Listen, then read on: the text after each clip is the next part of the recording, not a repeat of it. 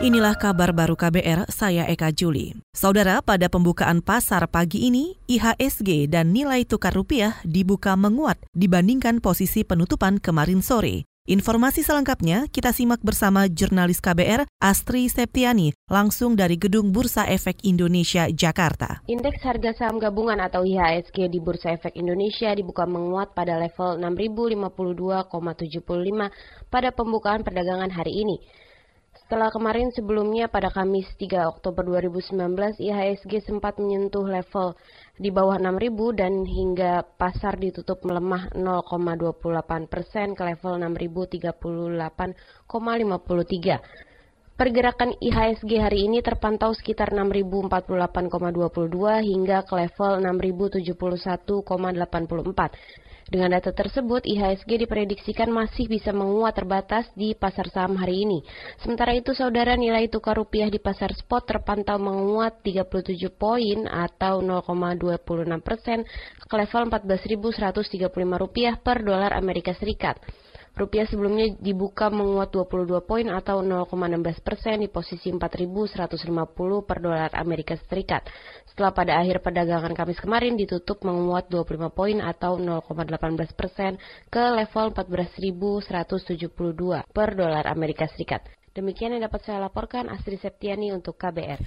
Masih soal ekonomi. Saudara, separuh target ekonomi pemerintah diyakini tidak tercapai. Menurut Menteri PPN atau Kepala Bapenas Bambang Brojonegoro, sejumlah target ekonomi dalam rancangan pembangunan jangka menengah 2015-2019 hanya tercapai separuh. Hal itu dikarenakan besarnya tantangan perekonomian global. Dari setiap dimensi, dimensi ekonomi mungkin yang paling berat karena pencapaiannya 50-50 antara yang tercapai dengan yang sulit tercapai. Salah satu yang tercapai misalkan terkait dengan inflasi, terkait dengan tingkat pengangguran terbuka, terkait juga penyediaan lapangan kerja yang tentunya sulit tercapai dan terkait pertumbuhan ekonomi misalkan atau tax ratio yang masih di bawah uh, sasaran atau target. Menteri PPN atau Kepala Bapenas Bambang Brojonegoro juga menambahkan, meski pertumbuhan ekonomi nasional sepanjang lima tahun terakhir selalu terjaga di atas 5 persen, tapi tetap saja jauh di bawah target RPJMN atau Rancangan Pembangunan Jangka Menengah 2015-2019, yaitu di kisaran 6-8 persen. Menurut Bambang, lemahnya pertumbuhan ekonomi akibat merosotnya harga-harga komoditas sumber daya alam dibandingkan satu dekade lalu.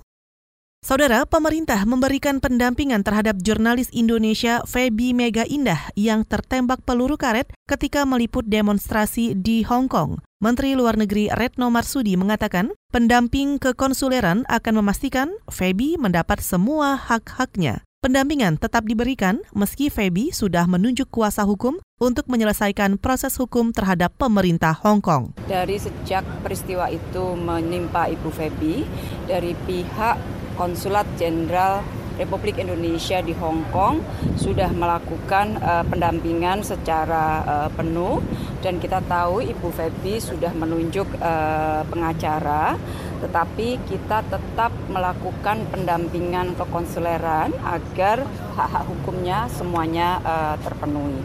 Itu tadi Menteri Luar Negeri Retno Marsudi. Sebelumnya, Feby Mega Indah, jurnalis harian Suara Hong Kong, tertembak peluru karet oleh polisi ketika meliput demonstrasi. Feby mengalami luka pada mata kanannya dan sudah menjalani operasi di Rumah Sakit Pamela Yudi Nedersol Wan Chai Hong Kong. Mata kanan Feby dilaporkan mengalami kebutaan akibat terkena tembakan peluru karet itu.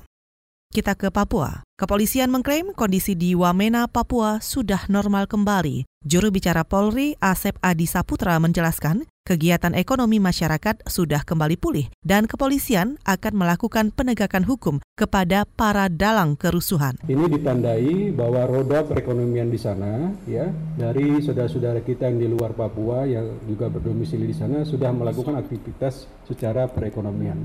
Jadi keseluruhannya juga sudah berjalan dengan baik. Dan berikutnya Upaya-upaya yang dilakukan secara sinergi ya baik dari Polri dan TNI serta Forkominda sampai dengan hari ini kita terus melakukan upaya-upaya untuk pemulihan keamanan. Juru bicara Polri Asep Adi Saputra menambahkan konflik di Wamena bukan berlatar belakang etnis, tapi ada kelompok organisasi yang memanfaatkan situasi untuk menciptakan konflik. Akhir September lalu, kerusuhan melanda Wamena. Komisi Nasional Hak Asasi Manusia menyebut kerusuhan terpicu kesalahpahaman terkait isu seorang guru yang diduga melecehkan muridnya dengan perkataan bernada rasial. Saudara demikian kabar baru, saya Eka Juli.